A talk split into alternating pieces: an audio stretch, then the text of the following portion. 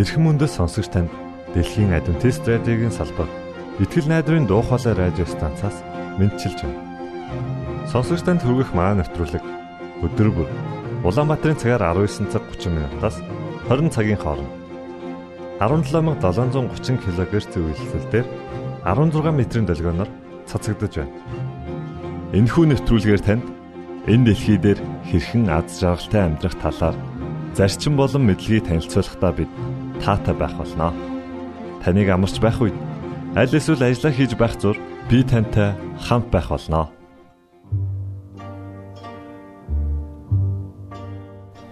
Энэ удаагийн нэвтрүүлгээ бид Silent Night хэмээх дугаар эхлүүлж байна. Харин үүний дараа X үзлэл нэвтрүүлгийн цуврал дугаарыг хүлээн авч сонсноо. Ингээд хөгжмөдөө ойртон сууно. Сайн байцгаана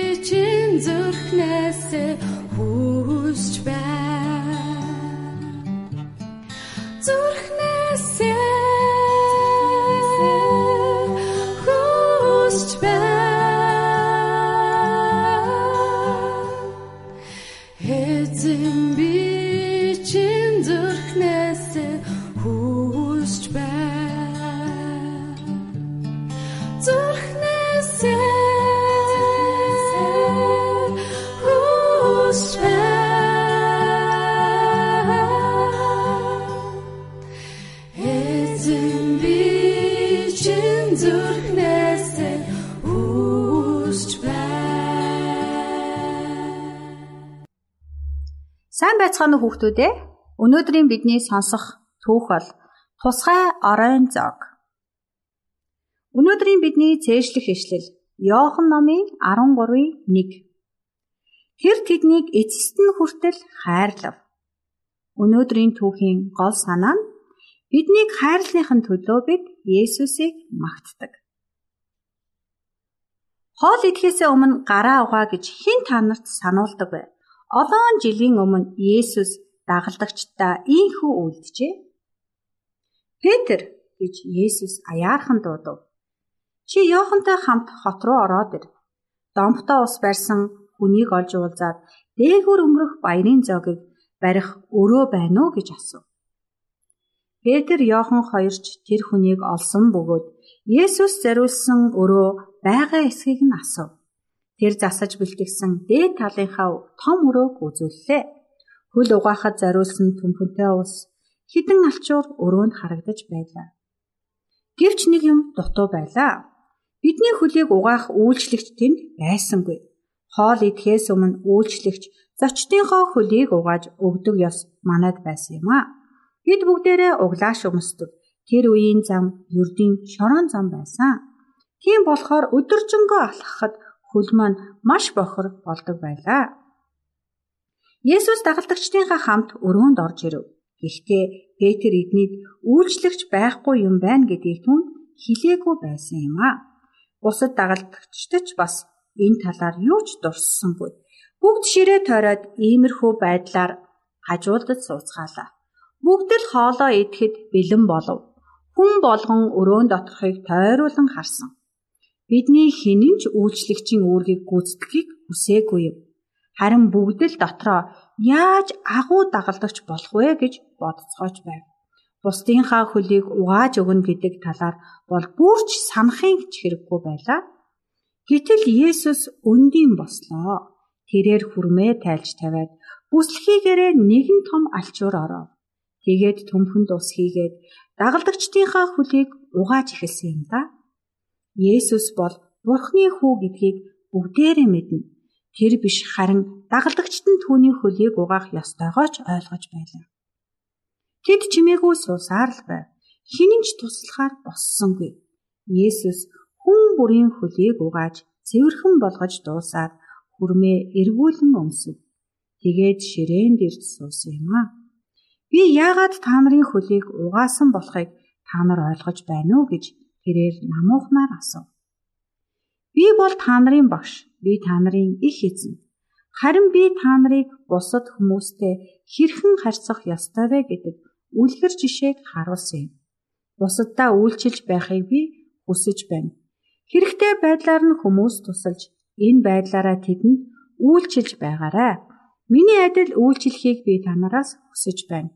Энэ бол заавал санаж байх ёстой сургамж гэдгийг дагалдагчид сайтар ойлгож авлаа. Дараа нь Есүс талхнаас хугалж аван мөн шүүснээс авч уугаад дагалдагчдаа дамжуулан өгөв. Энэ талах Есүсийн биеийг төлөөлнө. Харин усан үзмийн шүүс түүний цусыг төлөөлж байсан юм а. Есүс талах шүүснээс амс гэж хэллээ. Мөн хожим түүнийг дурсаж байхын тулд үүнийг үйлдэж бай гэж хэлсэн юм. Есүс бидэнд маш их хайртай байсан учраас нас барахынхаа өмнөх хамгийн сүүлчийн мөчтөж гисэн хайраа харуулахыг хүсэж байлаа. Одоо цагт та нар хүмүүс бие биенийхээ хөлийг угаан өгч эзний зов барин талахт шүүс амсаж байгааг харах юм бол Есүсийн хувиа бодоогүй амьдрал үхлийн талаар үргэлж санаж байгаарай. Хүн бүхэнтэй яг түүний хайраар хандаж байгаасаа гэж тэр биднээс хүсдэг юм аа.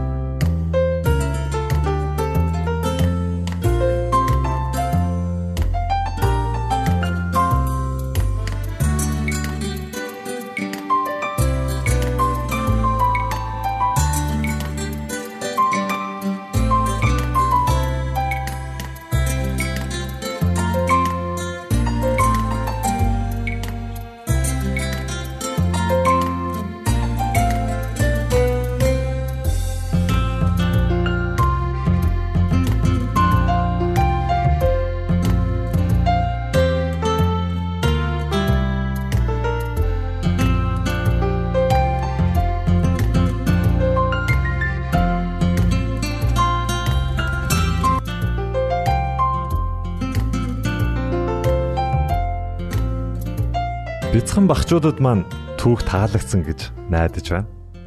Ингээд та дараагийн нэвтрүүлгээ хүлээн авч сонсноо.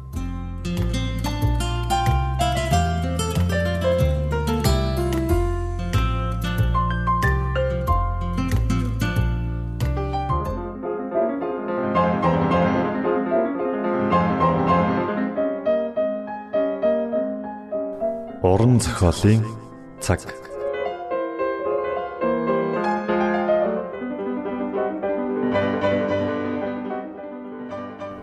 Нүгэлт хүнд аврагч хэрэгтэй. 2 дугаар бүлэг. Хүнийг анх бүтээхэд тэрээр ариун сайхан чанартай, төв төлөв оюун ухаантай байв. Хүн төгс төгөлдөр бүтээл байсан бөгөөд бурхантай өв зүйтэй амьдарч байлаа. Түүний бодол санаа нь цэвэр ариун, хүсэл эрмэлзэл нь гэгэн сарвал авэ. Гэвч дуулуургүйгээсээ болж сэтгэл нь буруудаж, хуваа хичээх үзэл зүрхнээс нь хайрыг шахан гаргажээ гим нүгэл хүнийг маш сулруулж муу мухай амийг биедан эсэргүүцэх тэнхэлгүй болгов. Хүн сатаанд ослогдож хэрв бурхан онцгой аргаар оролцоогүйсэн бол үрд нүгэлтэн хэвээр үлдэх байсан юм. Урууддагч итгээд бурхан хүнийг анх бүтээхдээ зохиосон төлөвлөгөөг нь нурааж хорвоо дэлхийг гаслан золонгоор дүрх тооцоотой байжээ. Ингэснээрээ сатан нүглийн бүхий л үүр уурхайг хүнийг бүтээгч бурхан буй болгосон гэж зэмлэн буруу шах санаатай байсан юм. Хүн гим нэглгүй байх үедээ мэрэгэн ухаан болоод мэдлэгийн бүх эрдэнэс нуугдсан бүтээгч лүгэ баяр баясгалантай харцаж байсан юм. Гэвч хүн нүгэлд онсныхаа дараа гэгэн амьдрал баярлаж хөөрхөөж бүр болж бурхнаас нүүр буруулж далд орохыг эрмэлзэх болсон билээ. Шинтгэгдээгүй хүмүүс одоо хүртэл иймэрхүү л байдалтай байна. Тэд бурхантай нийцдэггүй. Түүнтэй харцахдаа баяр жаргалыг эдэлж чаддгүй байна. Нүгэлт хүн бурхны дэргэд аз жаргалтай байж үл чадах ба ариун эмстэй харилцахаас зайлсхийх билээ. Тийм хүн тэнгэрт дэлгээгдлээч баярлаж хөөрөхгүй байхсан билээ. Зүрх сэтгэл бүхэн бүтээгчийн хязгааргүй хайр нэрлийг урайлахын хүлээж авдаг. Тэр газар ч гэсэн нүгэлт хүний сэтгэл үл сэргэгсэн билээ. Тэнгэрт амьдрахстын ариун дагшин хүсэл сонирхол бодол сэхэрэл түнд маш хол хөндөй байхсан. Нүгэл хүн Тэнгэрийн аяа гисхийг эвдэн утах үзээ.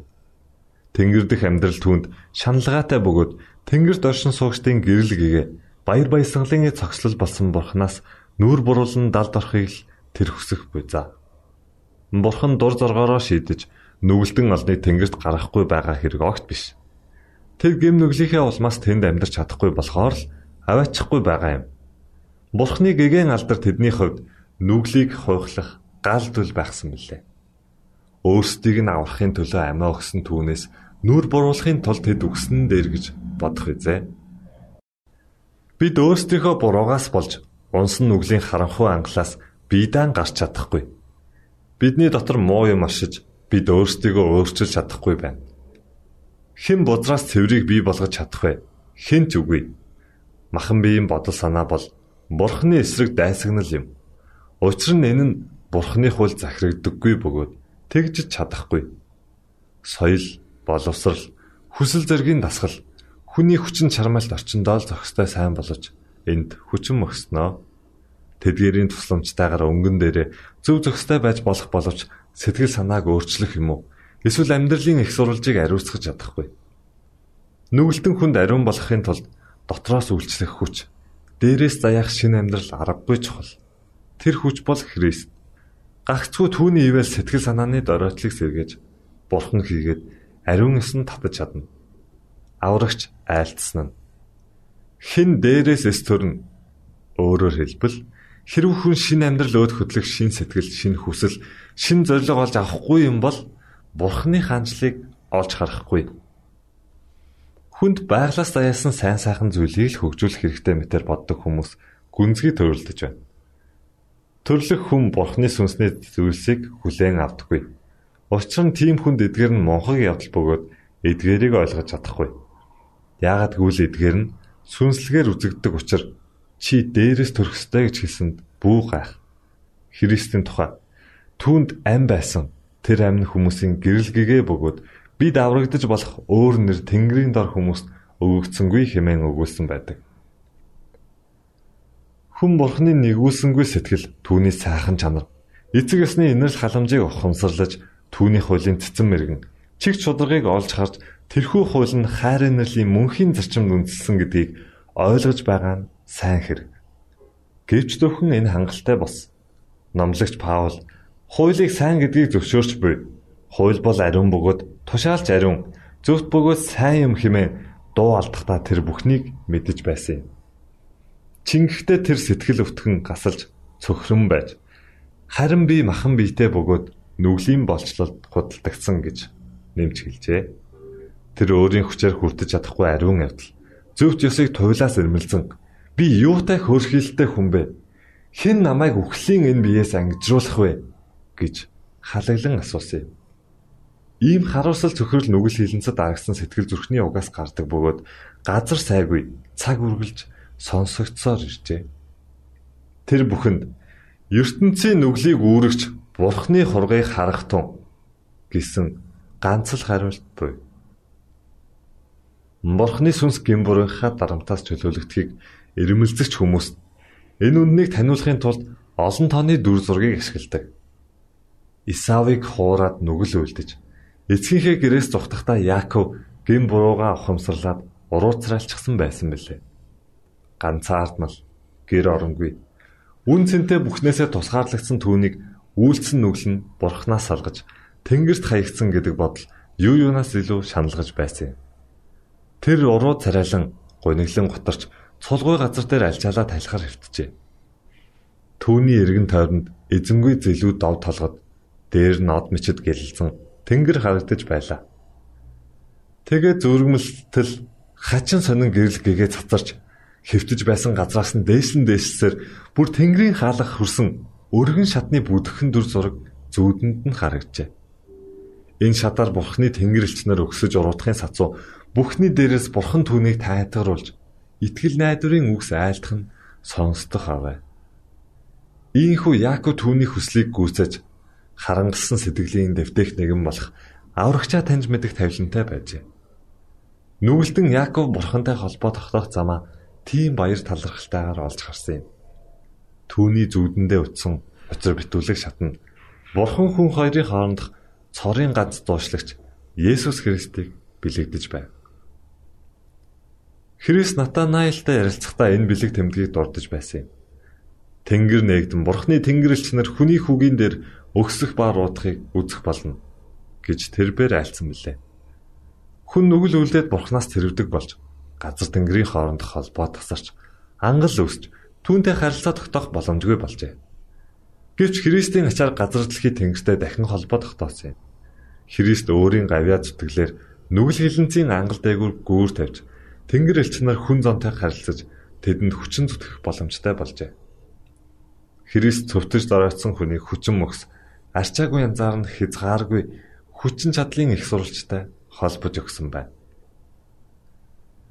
Цөвтөж дараацсан хүн төрлөختөнд найдвар төрүүлж тусламж үзүүлэх цорын ганц их сурвалжийг хүн зан үйл ашиах юм бол хөгжил дэвшлиг мориодсон бүхий л мориодл хүн төрлөختнийг оюун санааны хувьд өөддөх гэсэн альва оролдлого талаар өнгөрнө.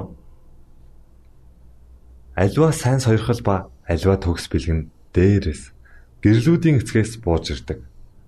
Түүнгүйгээр зам байдлын жинхэнэ төгс төгөлдөр чанарыг сэтгэхийн арга байхгүй Бурхан зөвхөн Христээр дамжил хүрч чадна. Тэрээр би бол зам, үнэн амь мөн хинч надаар дамжилгүйгээр эцэгт хүрэхгүй гэжээ. Бурхан өөрийнхөө газар дээрх хүүхдүүдтэй өглөөс хавьгүй хүчтэй хайраар холбогдсон байдаг юм. Өөрийнхөө хүүг өгөхдөө тэр бидэнд Тэнгэрийн бүх эрдэнсийг нэгэн бэлэг болгон барьсан билээ.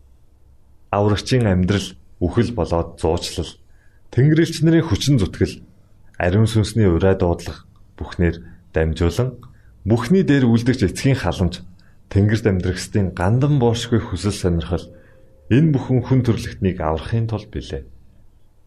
Бидний төлөө өргөсөн гайхамшигт төрлийн тухай байнга бодцоож төөрөгчдийг аварч тэднийг эцгийн гэрт эргүүлэн аваачих гэсэн Тэнгэрийн цуцалтгүй хүчин чармаалтыг үнэл цэгнэх гээд оролдоод үзье. Үйл явдал хамгийн хүчтэй сэхэрл хийгээд юмс оролцжээ. Зөвхт хэргийн төлөөх агуу шагнал Тэнгэрийн баяр баясгалан Тэнгэрлэгч нар хийгээд эцэг болон түүний хүүтэй тогтоосон харилцаа. Эцэс төгсгөлгүй үеүүдийн туршид бидний чадварыг өө татан хөгжүүлсэн явдал. Энэ бүхэн бидний бүтээгч хийгээд аврагчийн төлөө хамаг зүрх сэтгэлээсээ хүчин зүтгэхэд урайлан дуудахгүй байна гэж юу?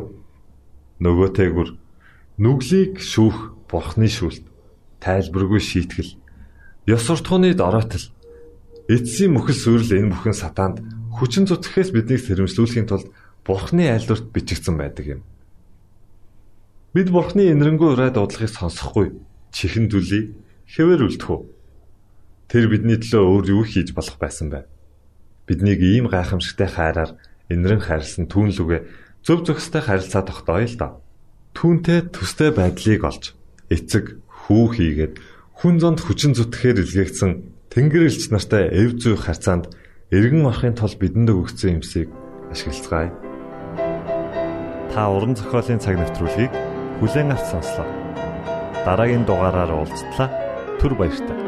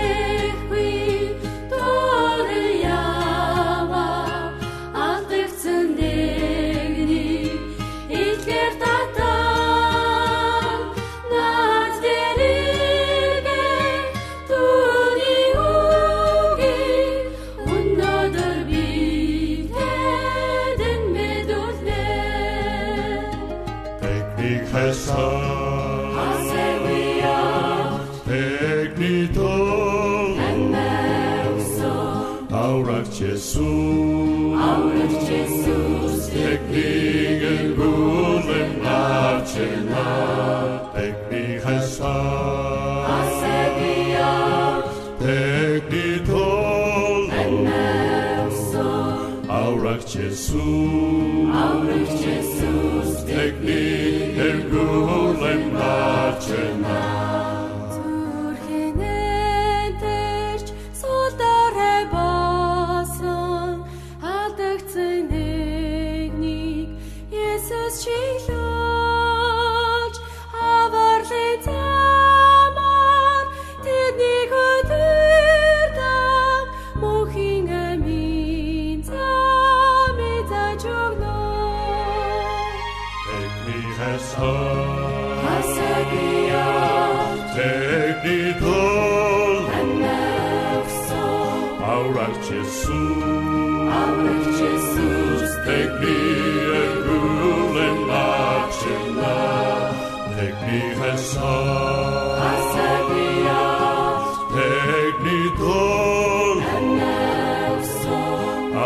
Jesus, our Jesus,